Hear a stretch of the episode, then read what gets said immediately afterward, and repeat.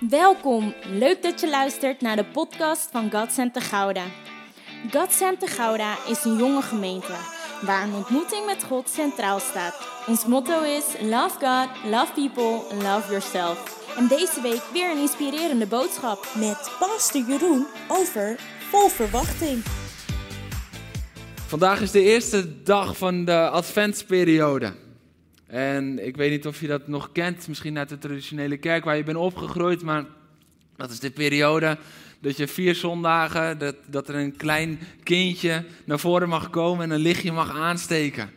En ik had het er net nog over, dat is iets wat ik altijd zo mooi vond en wat ik altijd zo graag wilde en niet zo vaak mocht. En dat vond ik dan zo'n machtig mooi moment. En dan stond zo'n kindje te bibberen voor zo'n hele kerk. En die zei dan zo'n zo'n zo'n rijmpje op. Van het, het, licht dat hier nu schijnt. En dan weet ik het niet meer. Maar in ieder geval, dat, dat rijmpje eh, zeiden ze dan op. En dan mochten ze dat lichtje aansteken. En dan zag je altijd die bibberende handjes. Want dan, dat vond ik altijd zo gemeen. Dan moesten ze nog die lucifer doen. En dat was altijd lastig. En dan moesten ze naar die kaars. En soms ging die lucifer dan alweer uit voordat hij bij de kaars was. En dan zag je zo'n kindje zo hulpeloos om zich heen kijken. Wie kon mij helpen? Maar de adventsperiode is weer begonnen. En het mooie van advent is dat er dan eerst ging er één kaarsje aan en dan werd het er twee, drie, vier. Tot de zondag voor kerst, dan brandden er dus vier. En advent betekent verwachting. Advent, adventum vanuit het Latijn waar het vandaan komt, dat betekent komst. En met advent kijken we dan naar de komst van de Heer Jezus uit. En dat gaat dus over een tijd van verwachting. We kijken uit naar die komst van de Heer Jezus. En in onze tijd naar kerst toe gaat dat over de komst van Jezus, geboren in een kribbe.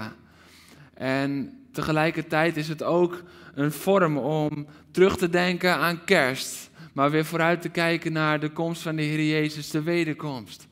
Dus adventsperiode is een tijd van verwachting. En daarom geloven we dat het goed is om vandaag te hebben over verwachting.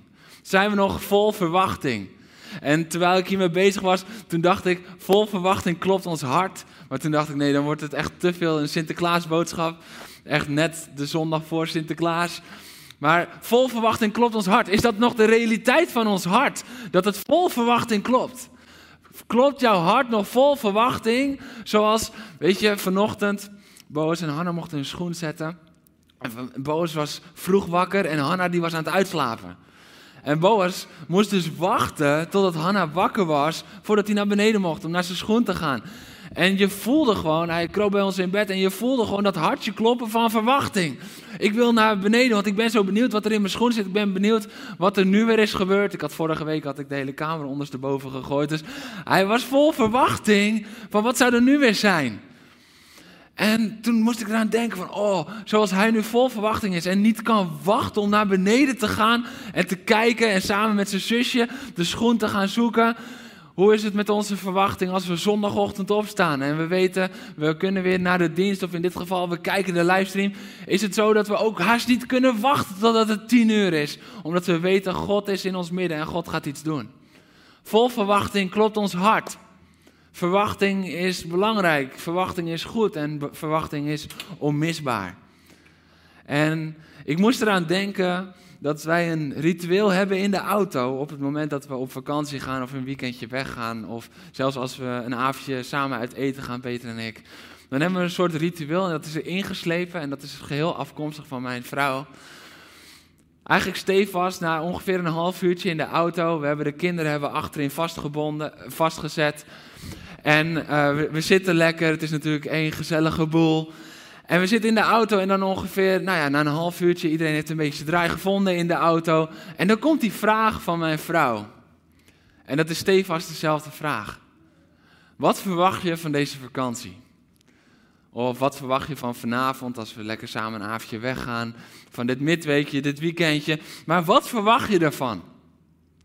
En soms kom ik gelijk met een antwoord, want dan weet ik al van oké, nou deze vakantie wil ik eh, drie hoofdstukken schrijven van mijn boek. Of deze vakantie moet ik echt even tot rust komen. Of deze vakantie ben ik echt gericht op de family time, de kwaliteit met elkaar.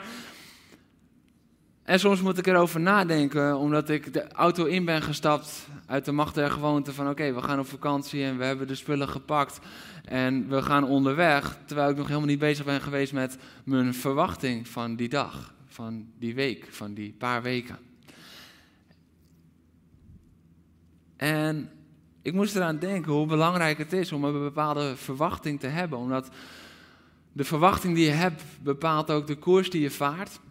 Als ik een verwachting heb om echt family time te hebben met elkaar, om echt kwaliteit te beleven met mijn vrouw en kinderen, dan richt ik daar de vakantie ook op in. Dan moet alles daarvoor wijken. Dus die verwachting die zet mij ook weer aan om klaar te maken om dat te hebben met elkaar. En als ik er zonder verwachting in ga, dan overkomt alles me en dan kunnen er alsnog fijne momenten zijn. Maar is het vaak een stuk minder als wanneer ik met verwachting kom.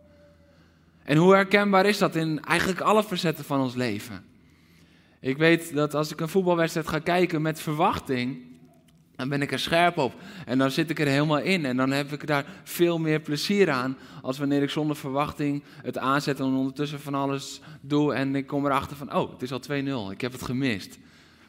Je mist de vervulling als je geen verwachting hebt. En zo is het vaak ook als we heel eerlijk zijn als we naar de kerk gaan. Als we met elkaar samenkomen, of misschien juist nu wel, als we de livestream weer aanzetten. En het is misschien meer de macht der gewoonte geworden, want het is goed om op zondagochtend jezelf te vullen. Maar ben je nog echt vol verwachting? Verwacht je echt een aanraking van God vanochtend? Ik wil het echt aan je vragen. Als je thuis zit, verwacht jij een aanraking van God vanochtend? Verwacht jij een openbaring van Hem vanochtend? Verwacht jij dat Zijn aanwezigheid in jouw woonkamer is vanochtend? Of is het gewoon van, ja, het is zondagochtend 10 uur, we zetten hem aan. Jouw verwachting is een katalysator van Gods kracht in je leven, van Gods aanwezigheid in je leven. Verwachting is onmisbaar. En verwachting maakt je namelijk klaar voor het ontvangen wat Hij wil geven. En verwachting maakt je daarin ook klaar om te ontvangen wat je nodig hebt. We gaan zo direct gaan we uit het woord lezen en we zullen zien dat verwachting onmisbaar is. Ik wil je bemoedigen. Misschien ben je zonder verwachting de livestream ingestapt. Neem nu gewoon een moment van 10 seconden om verwachting te scheppen in je hart. Om God gewoon vol verwachting te vragen. Heer, ik heb uw aanraking nodig. Heer, ik heb uw aanwezigheid nodig. Ik heb misschien uw, uw richting nodig. Misschien sta je op een kruispunt in je leven en je weet niet waarheen, maar je zit nu te kijken, eigenlijk nog zonder verwachting. Schep die verwachting dat God gaat spreken in je situatie. Schep die verwachting en bouw die verwachting op in je leven. Want het is zo onmisbaar en zo belangrijk. En terwijl we dus in een tijd van verwachting richting kerst, adventsperiode instappen, is het goed om te beseffen dat ja, we gaan dan een verwachting naar een feestdag, naar kerst, waar we vieren dat Jezus is geboren. Maar dat het niet alleen voor dan is, maar dat verwachting iets is voor elke dag in je leven. Hoe jij uit je bed stapt. Verwacht jij iets van de dag die je gaat beleven of is het zomaar weer een dag? Je mag vol verwachting opstaan en je mag verwachting gaan bouwen in je leven. En ik wil met je lezen uit 2 Koningen 3. En dat gedeelte heeft alles te maken ook met verwachting en wat verwachting doet en hoe verwachting ook kan, getemperd kan worden, maar wat verwachting ook van je vraagt. Dus als je in je woonkamer zit, ga staan voor het woord van God. Als je voor het eerst meekijkt of er voor het eerst bent, we gaan staan voor het woord van God als we eruit lezen. En we lezen 2 Koningen 3 vanaf vers 9. Sorry, vanaf vers 8. En daar vallen we midden in een tocht met de, de, de, koning van Israël, die een tocht aangaat samen met een aantal andere koningen. We lezen er zo over om de Moabieten te gaan verslaan. Daar vallen we in, in vers 8. Joram vroeg aan Jozefat langs welke route ze het beste konden oprukken. En die raadde aan om dwars door de woestijn van Edom te trekken. En samen met de koning van Juda en de koning van Edom rukte de koning van Israël op. Maar doordat ze een omtrekkende beweging maakten, waren ze zeven dagen onderweg. En op het laatst was er geen water meer voor de soldaten en voor het vee dat ze bij zich hadden. Wat zijn we begonnen?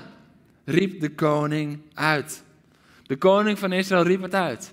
Hij dacht niet stilletjes bij elkaar, waar ben ik aan begonnen? Hoe vaak ken je dat? Dat je denkt, oké, waar ben ik aan begonnen? Waar ben ik aan begonnen?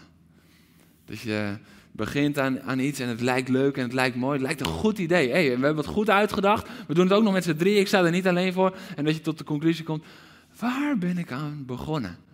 Ik hoor zoveel jongeren, nadat ze drie weken zijn begonnen met hun studie, dat ze zeggen, waar ben ik aan begonnen? En dat moment komt voor die koning. En dat moment komt voor die koning zo, zo heftig binnen en de nood is zo groot dat hij het niet meer stilletjes bij zichzelf afvraagt, waar ben ik aan begonnen? Maar dat hij het uitroept, waar zijn we aan begonnen? En als de soldaten, die horen dat op dat moment, want hij roept het uit, waar zijn we aan begonnen? Dat is niet heel motiverend voor de soldaten als de, de legeraanvoerder, want dat waren de koningen, als die begint uit te roepen, waar zijn we aan begonnen jongens? Dat is niet het meest motiverende gedeelte van de krijgsmacht. Maar oké, dat gebeurt. En dan roept hij ook nog uit: Heeft de Heer deze drie koningen soms bijeengebracht om ze aan Moab uit te leveren?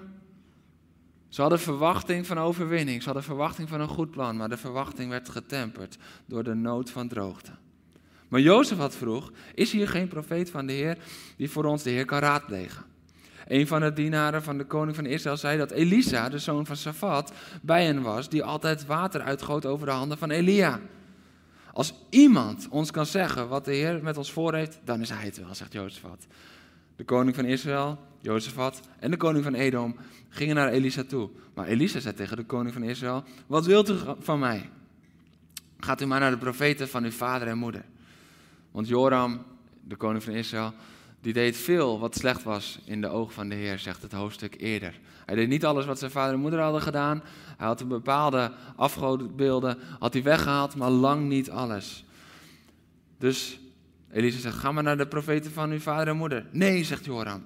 Want de Heer, het is de Heer die deze drie koningen bijeen heeft gebracht om ze aan Moab uit te leveren. Zie je wat er nu de verwachting is? Zie je dat de verwachting is omgeslagen? Van we verwachten dat we gaan overwinnen met elkaar, naar de Heer heeft ons bijeengebracht om aan Moab uit te leveren. Toen antwoordde Elisa, zo waar de Heer leeft, de Heer van de hemelse macht, in wiens dienst ik sta. Het is dat, u, dat ik zoveel achting heb voor de koning Jozefat van Juda, anders zou ik u geen blik waardig keuren. Maar goed, laat de leerspeler komen. En terwijl de muzikant op de leer speelde, werd Elisa gegrepen door de hand van de Heer. En hij zei, dit zegt de Heer. Graaf overal in de wadi, dat is de vallei, in het dal, kuilen, greppels, geulen. Want dit is wat de Heer zegt. Jullie zullen geen wind voelen en geen regen zien. Maar toch zal deze wadi, deze vallei, volkomen te staan met water, zodat jullie ervan te drinken hebben. Ook jullie vee en lastdieren. En dat is nog maar een kleinigheid voor de Heer. Hij zal ook de Moabieten aan u uitleveren. Elke vesting en elke mooie stad zult u verwoesten. Elke vruchtboom vellen, elke waterbron dichtstoppen en elke vruchtbare akker volgooien met stenen. De volgende ochtend, op het uur van het graanoffer, kwam uit de richting van Edom plotseling water opzetten. En in minder dan geen tijd stond de vallei helemaal onder. In minder dan geen tijd. Dat is nog, nog sneller als plotseling. In minder dan geen tijd stond de vallei onder water. Je mag lekker gaan zitten.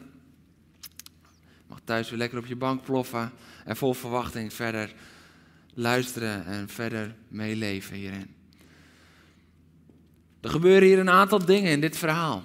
En een van de eerste zaken is dat de koning van Israël heeft zich twee koningen om zich heen verzameld. En ze trekken ten strijde tegen Moab. En ze gaan dwars door de woestijn. Dat is wat de koning Jozefat heeft aangeraden. Dat is de beste weg dwars door de woestijn. En ze hebben de verwachting om Moab te gaan verslaan. Maar wat gebeurt er? Omdat ze in een omzwerving lopen, komen ze na zeven dagen komen ze zonder water te zitten. Ze komen zonder water te zitten en dat resulteert in grote nood. En die nood is dan zo groot dat de koning begint uit te roepen: Waar zijn we aan begonnen? Ik zie het niet meer. Het leek zo'n goed idee, maar eigenlijk valt alles nu in duigen. Het leek een goede strategie, maar waar zijn we aan begonnen? En verwachting maakte plaats voor twijfel als sneeuw voor de zon.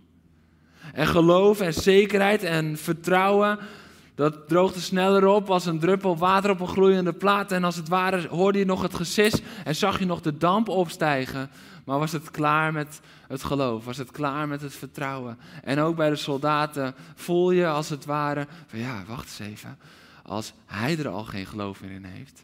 Als hij het al niet meer ziet zitten. Als hij het al niet meer weet. Wat doen we hier dan jongens? Wat doen we hier dan? Als hij het al niet meer verwacht. En waar verwachting en vertrouwen afnemen, nemen vragen en twijfel toe. En je hoort ze dan ook vervolgens die vraag stellen. De koning roept het uit. Heeft de Heer deze drie koningen soms bijeengebracht om ze aan Moab uit te leveren? Is, het, is mijn verwachting dan verkeerd geweest? Ik verwachtte dat wij Moab gingen verslaan, maar is het misschien andersom? En je ziet dat waar voorziening opdroogt, dan zien we dat verwachting verdampt, omdat vertrouwen afneemt. Waar de voorziening letterlijk opdroogt, want er is geen water meer, zien we dat, het, dat de verwachting verdampt, omdat het vertrouwen afneemt. Ze zien het niet meer. En dat gebeurt bij deze koningen midden in de woestijn. En tegelijkertijd is het zo herkenbaar in ons eigen leven. Tegelijkertijd is het zo herkenbaar, want hoe vaak beginnen wij niet vragen te stellen op het moment dat we de voorziening van God niet gelijk zien? Het is droog in ons leven, we ervaren een woestijnperiode en wat, wat gaan we dan vragen? We vragen of God dan nog wel het goede met ons voor heeft. Heer, ik zie uw zegen niet op mijn leven, houdt u nog wel van mij? Heer, ik zie uw voorziening niet direct, bent u nog wel blij met mij? Ben ik nog wel goed genoeg voor u? En het zijn vragen die in ons opkomen. Heb ik iets verkeerd gedaan? Ben ik fout geweest? Is God misschien boos op mij? En vaak is Gods voorspoed in ons leven is de graadmeter van de liefde die Hij voor ons heeft. Maar dat is niet hoe God werkt. Gods voorziening in jouw leven is niet de graadmeter van Zijn liefde voor jou. Wat God vandaag doet in jouw leven, dat bepaalt niet hoeveel hij van jou houdt. Wat God deed aan het kruis, dat bepaalt hoeveel hij van jou houdt. En dat is altijd hetzelfde. Het gaat niet om wat hij nu voor jou doet, maar het gaat erom wat hij voor jou deed. Dat heeft laten zien, dat is de openbaring van zijn liefde voor jou. Dat heeft laten zien hoe alomvattend zijn liefde is voor jou. Dat niets hem kon tegenhouden. Dat hij zoveel van jou houdt en hield. Dat hij zei: Spijker mij maar aan het kruis. Spijker mij maar aan het kruis. En het maakt me niet uit wat het mij kost. Maar het is, jij bent het waard. Jij bent het waard om weer mijn kind te worden. Jij bent mijn schepsel. Ik ben jouw maker. En op het moment dat de zegen van God het bewijs van zijn liefde wordt voor ons, dan gaan we, gaan we leven aan de hand van wat we zien en wat we voelen en wat we ervaren. En dat kan soms heel anders overkomen als dat het daadwerkelijk is. Gods goedheid hangt niet af van wat hij nu doet. En twijfel komt op en verwachting komt op en het ontwricht ons geloof. En ik denk dat dat iets heel herkenbaars is, juist in dit jaar 2020. 2020 waarin heel veel twijfel is. 2020 waar misschien die mannen in de woestijn, waar we ons meer dan ooit mee kunnen identificeren, omdat we beseffen, ja, man, dit jaar voelt als een woestijn en het voelt alsof het water is opgedroogd en ik weet niet meer hoe ik het moet redden. En ik dacht dat ik onderweg was naar een overwinning, maar het voelt nu alsof de nederlaag eraan komt. En dat is het moment dat Jozefat instapt. Dat is het moment dat Jozefat instapt en dat hij vraagt: Hé, hey, waar is de profeet van de Heer? Is er hier niet iemand die een profeet kent? Want we hebben nu een woord van God hebben nodig. We hebben nu God nodig. We hebben niet onze interpretatie van onze omstandigheden nodig, maar we hebben de waarheid van God nodig op dit moment. En 2020 is meer dan ooit, is meer dan ooit het jaar waarin dit de realiteit is. Dat we niet langer de interpretatie van onszelf op onze omstandigheden nodig hebben, maar dat we de waarheid van God nodig hebben. We hebben het weer nodig om, om het woord te pakken en te kijken wat zijn zijn beloftes. Wat zijn zijn waarheden? Want zijn woord houdt stand. Zijn woord houdt stand. Alles kan omvallen in dit jaar. Maar zijn woord houdt stand. Dus beter gaan we ons weer beroepen op zijn woord. Zoals koning Jozef op dat moment deed. Hij zei, ja prima dat je het uitroept. Prima dat jij het niet meer weet. Maar hé, hey, we hebben nu God nodig. En jij kan nu thuis zitten en je kan als het ware al, al weken of maanden kan je je omstandigheden aan het interpreteren zijn. Oh, dat zal wel betekenen dat. Oh, ik zie geen voorziening, dus misschien is God wel boos op me. Misschien is God mij wel aan het uitleveren aan. Maar het is een leugen. Want Jozef had wist, we hebben een profeet nodig, want het woord van de Heer zal nieuwe verwachtingen in ons hart ja, oproepen als het ware. Want we hebben weer nieuwe verwachting nodig. De verwachting die getemperd werd, de verwachting die afgebrokkeld was.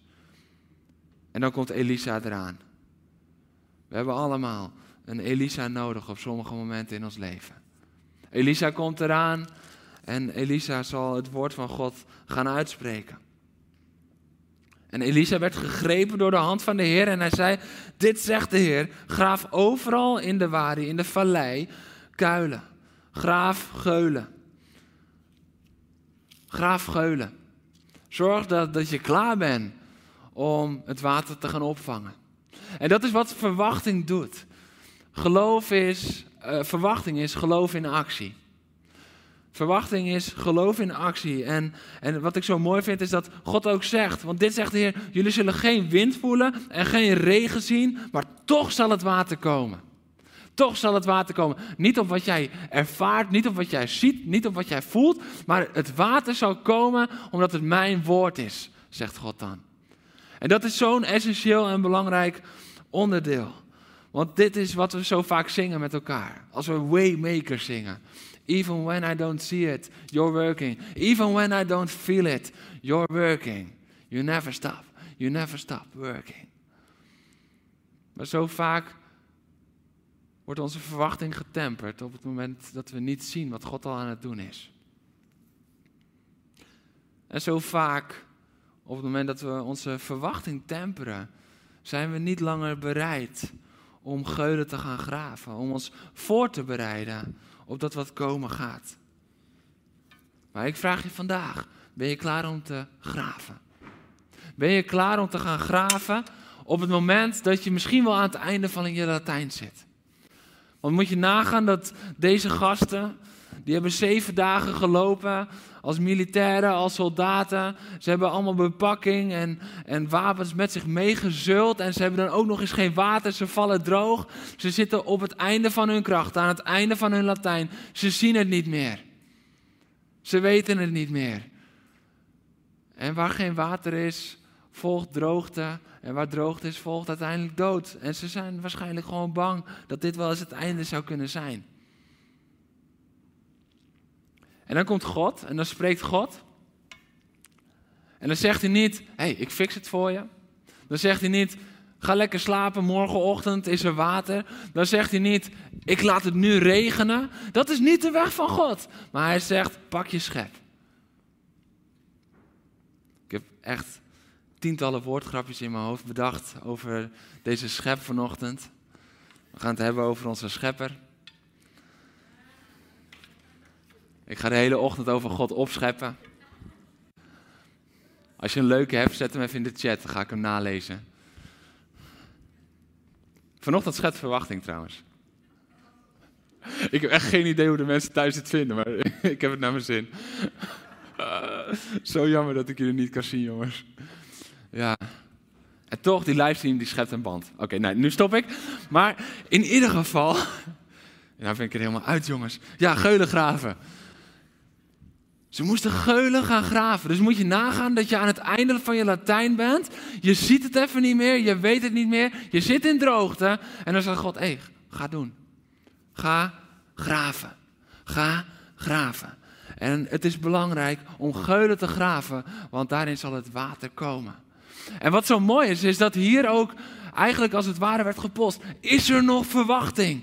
Want die verwachting die gaat uiteindelijk bepalen hoe je de zegen van God kan ontvangen. Verwachting bepaalt niet of God zijn zegen geeft, maar verwachting bepaalt hoe jij de zegen ontvangt. Dit is een diepe waarheid.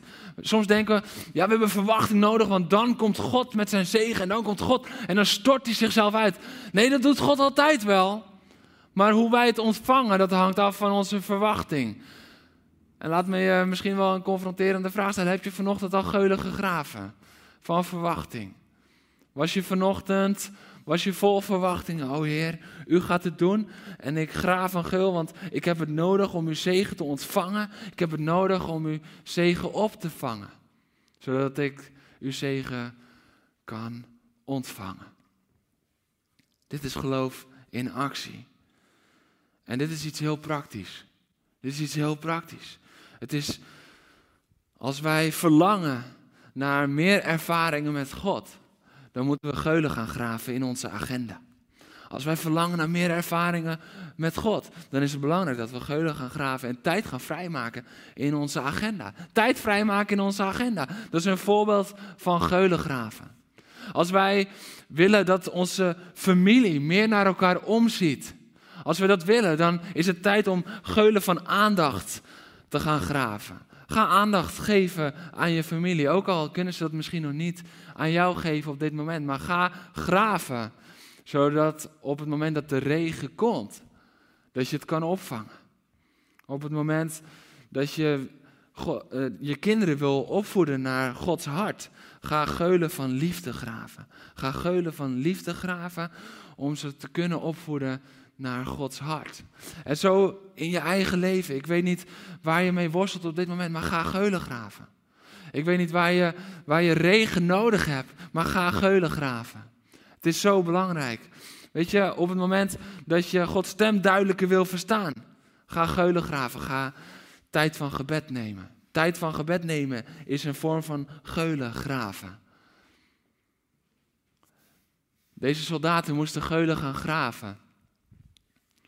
En ze zagen het niet. Ze voelden het niet. Ze hoorden het niet. Ze voelden de wind niet. Ze zagen de regen niet komen. Ze hadden alleen het woord van God. En op dat woord hadden ze een dusdanige verwachting dat ze besloten: als God het zegt, dan ben ik bereid om nog dat stapje extra te doen. Ja, ik ben aan het einde van mijn kracht. Ik ben aan het einde van mijn Latijn. Maar als Hij het zegt, dan ga ik erop. Durven wij geulen te graven op het woord van God? Op het moment dat we nog helemaal niks zien, helemaal niks voelen, nog niks ervaren.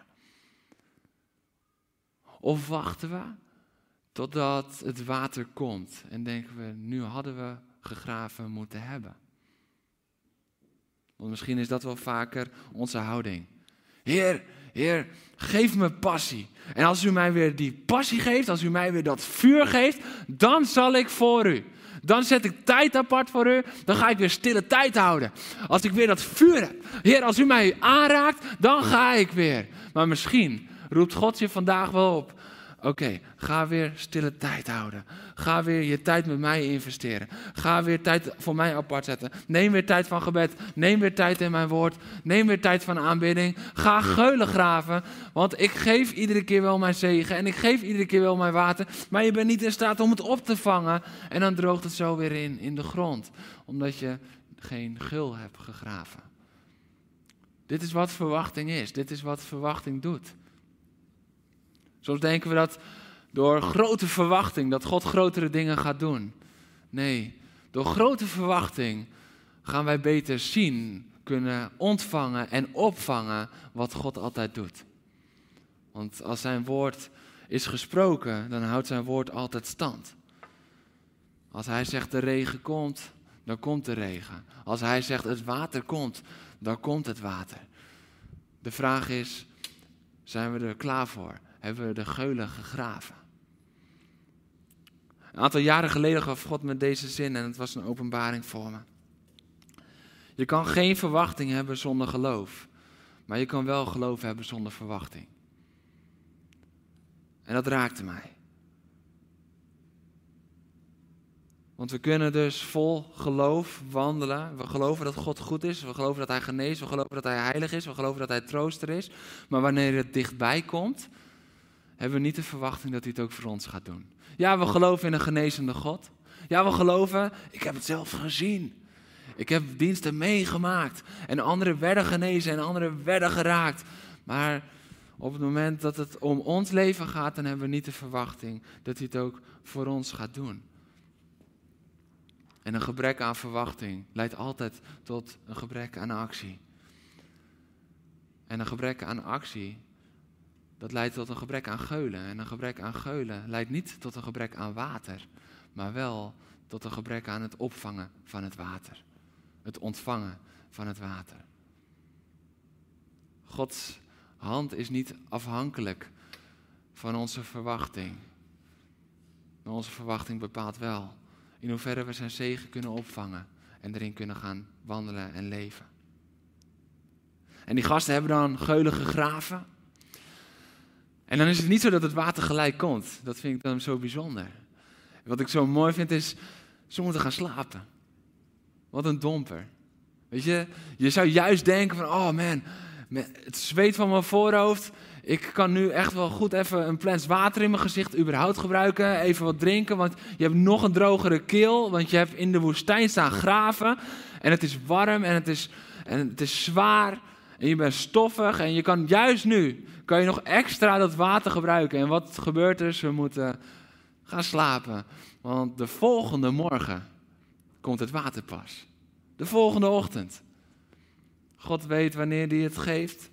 En ze moesten gaan rusten in het vertrouwen dat God zijn belofte uitvoert. En het wonder gebeurt. Er staat dan dat de hele vallei in minder dan geen tijd onder water stond. De hele vallei kwam onder water te staan en de geulen hadden water gevat. Ze konden de zegen ontvangen omdat ze in verwachting hadden gegraven.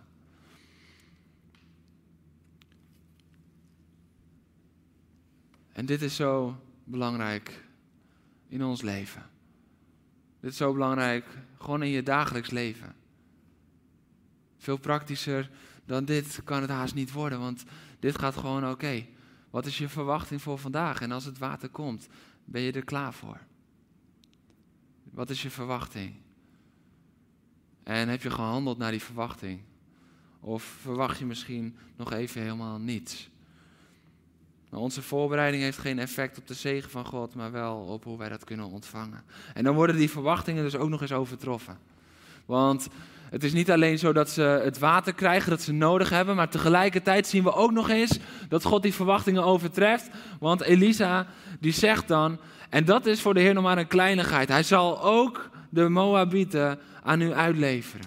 En wat, we dan verder lezen in het verhaal, dat is zo bijzonder, dat, dat het water dat daar is, dat kleurt rood voor de Moabieten. En de Moabieten zien alsof het water helemaal rood is van het bloed. Dus de zegen die ze ontvangen door het graven van de geulen, is niet alleen de zegen van verkwikking en van verfrissing van het water dat ze nodig hebben.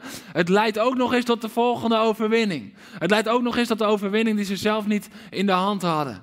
Het leidt ook nog eens tot de overwinning op de Moabieten, want die worden overmoedig en die denken: hé, hey, rood water. Ze hebben misschien met elkaar gevochten en we kunnen er zo in. En de Moabieten gaan met een hele andere verwachting naar het kamp van Israël. Want die gaan met de verwachting dat ze de strijd al hebben gewonnen. Ze worden overmoedig, ze zijn helemaal niet scherp en ze worden in de pan gehakt. Dat is de realiteit. Ze worden gewoon in één klap verslagen door, het leger, door de drie legers van Israël, van Juda, van Edom. Ze worden in de pan gehakt. En God heeft de Moabieten aan ze uitgeleverd. Dus op het moment dat God dan ingrijpt in je leven en je zegent, dan overstijgt zijn zegen ook nog eens de verwachting die jij had. Hoe groter jouw verwachting, hoe meer je het kan opvangen. Maar daarnaast ook nog, hij overtreft jouw verwachtingen. Hij doet meer dan jij denkt nodig te hebben, omdat hij beter weet wat jij echt nodig hebt. God wist dat ze niet alleen water nodig hadden om op kracht te komen. Maar God wist ook dat ze zijn hand nodig hadden om de Moabieten te kunnen verslaan, omdat ze het uit zichzelf niet konden. De verwachtingen worden overtroffen. En ik wil vandaag afsluiten eigenlijk met deze vraag aan jou. Graaf jij geulen? Ben je bereid om misschien wel het smerige werk te doen? Ben je bereid om te gaan zweten, om door je pijn en door je situatie heen te breken en te zeggen: Ik pak die schep op en ik ga geulen graven. Ben je bereid om dat wat je nog niet ziet, dat wat je nog niet voelt, je ziet geen regen, je, ziet, je voelt geen wind, maar je hebt wel iets gehoord. Dat is namelijk het woord van God. Ben je bereid om alleen op jouw horen in te stappen? Ben je bereid om alleen op jouw horen te zeggen: Ik pak die schep en ik ga ervoor. Ik pak die schep en ik, ik, ik begin te graven. Ook al zie ik het nog niet. Ook al denk je van ja, maar dan moet ik dus in mijn familie gaan investeren. Weet je wat ze me allemaal aandoen? Nee, ik weet het niet. En ik wil er niet lichtzinnig over doen. Maar ik weet wel dat de zegen verbonden is aan het opvangen in de gulden die alleen jij kan graven. Dat de vrede waar jij misschien naar verlangt in jouw familie, dat die alleen maar kan komen wanneer jij het water dat God gaat geven, de zegen die God gaat geven, de vrede die God wil geven, gaat opvangen in de gulden die alleen jij kan graven. We vragen of de worship alvast erbij komt. Ben je klaar om je schep erbij te pakken? Ben je klaar om een gul te gaan graven? En ben je klaar om dat te doen op het woord van God? Om niet langer te zeggen, Heer, als u dan. Maar dat je de switch kan maken en dat je kan zeggen, Heer, u zegt dus. Van Heer, als u dan, naar Heer, u zegt dus. Van Heer, als u, als u, dan zal ik, naar Heer, u zegt dus, ik ga het gewoon doen. Heer, u zegt in uw woord dat, dat u spreekt. Heer, u zegt in uw woord dat u investeert eh, in uw relatie met mij en, en dat u een levende God bent en een sprekende God bent. En ik verlang ernaar om uw stem te horen, dus ik ga geulen graven van gebed. Ik ga geulen graven van tijd apart met u, alleen met u. Want ik heb u nodig. En ook al voel ik het nog niet, ook al zie ik het nog niet, ik hoor uw woord vandaag. Deze soldaten en deze koningen handelden naar een woord. Naar een woord van God. En dat schiep weer nieuwe verwachting. Want op die verwachting gingen ze graven. Verwachting is geloof dat in actie komt. Je kan geloven en passief blijven. Verwachting maakt actief. En we verlangen naar een actieve kerk. We verlangen naar een actief leven voor jou, want jij bent de kerk. En wanneer de kerk weer actief wordt, jij en ik, als geloof weer actief wordt en vol verwachting gaat, dan gaan er niet grotere dingen gebeuren, maar we gaan grotere dingen herkennen en opvangen. Waardoor grotere dingen zichtbaar worden. God is dezelfde God. God is dezelfde God als een jaar geleden, als twee jaar geleden, als tien jaar geleden, honderd en duizend en tweeduizend en vijfduizend jaar geleden. God is dezelfde God. Hij doet nog steeds dezelfde grote dingen. Maar graven wij de geulen waarin de wonderen van God, de tekenen van God, zichtbaar worden in ons leven. Zijn we klaar om onze schep te pakken? Ik daag je uit